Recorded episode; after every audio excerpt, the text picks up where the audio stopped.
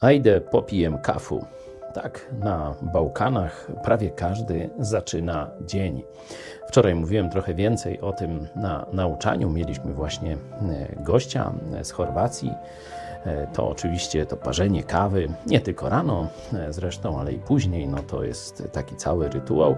I oni sobie nie wyobrażają dnia, którego nie rozpoczęliby dobrą kawą. Oczywiście w Polsce też takie podejście jest popularne. Ja nie mam nic przeciwko temu, żeby tak rozpoczynać e, dzień.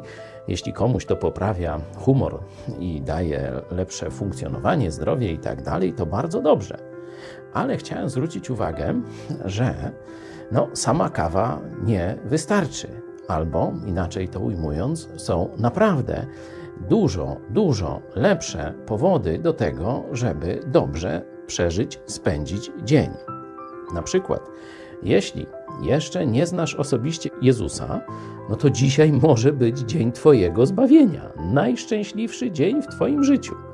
E, sam Jezus powiedział, że z takiej chwili to aniołowie w niebie się radują. E, oczywiście e, to zależy od ciebie. Jezus stoi kołacze, może w każdej chwili wejść, jeśli go zaprosisz. Jeśli z kolei już znasz Jezusa, no to wyobraź sobie, Możesz rozpocząć dzień od rozmowy z Panem Wszechświata. Możesz mu powiedzieć o tym, co cię boli, o tym, czego byś chciał dzisiaj, jakie masz plany, e, co byś chciał dla niego zrobić, jak rozumiesz e, jego wolę, jego słowo, e, które czytasz. To wszystko możesz dzisiaj zrobić. To jest oczywiście wstęp do nieba, bo tu na Ziemi każdego dnia, pomimo picia kawy i różnych dobrych rzeczy, będziemy się starzeć. Ale kiedyś, kiedy przyjdzie ten ostatni dzień naszego życia, wejdziemy z Jezusem do nieba.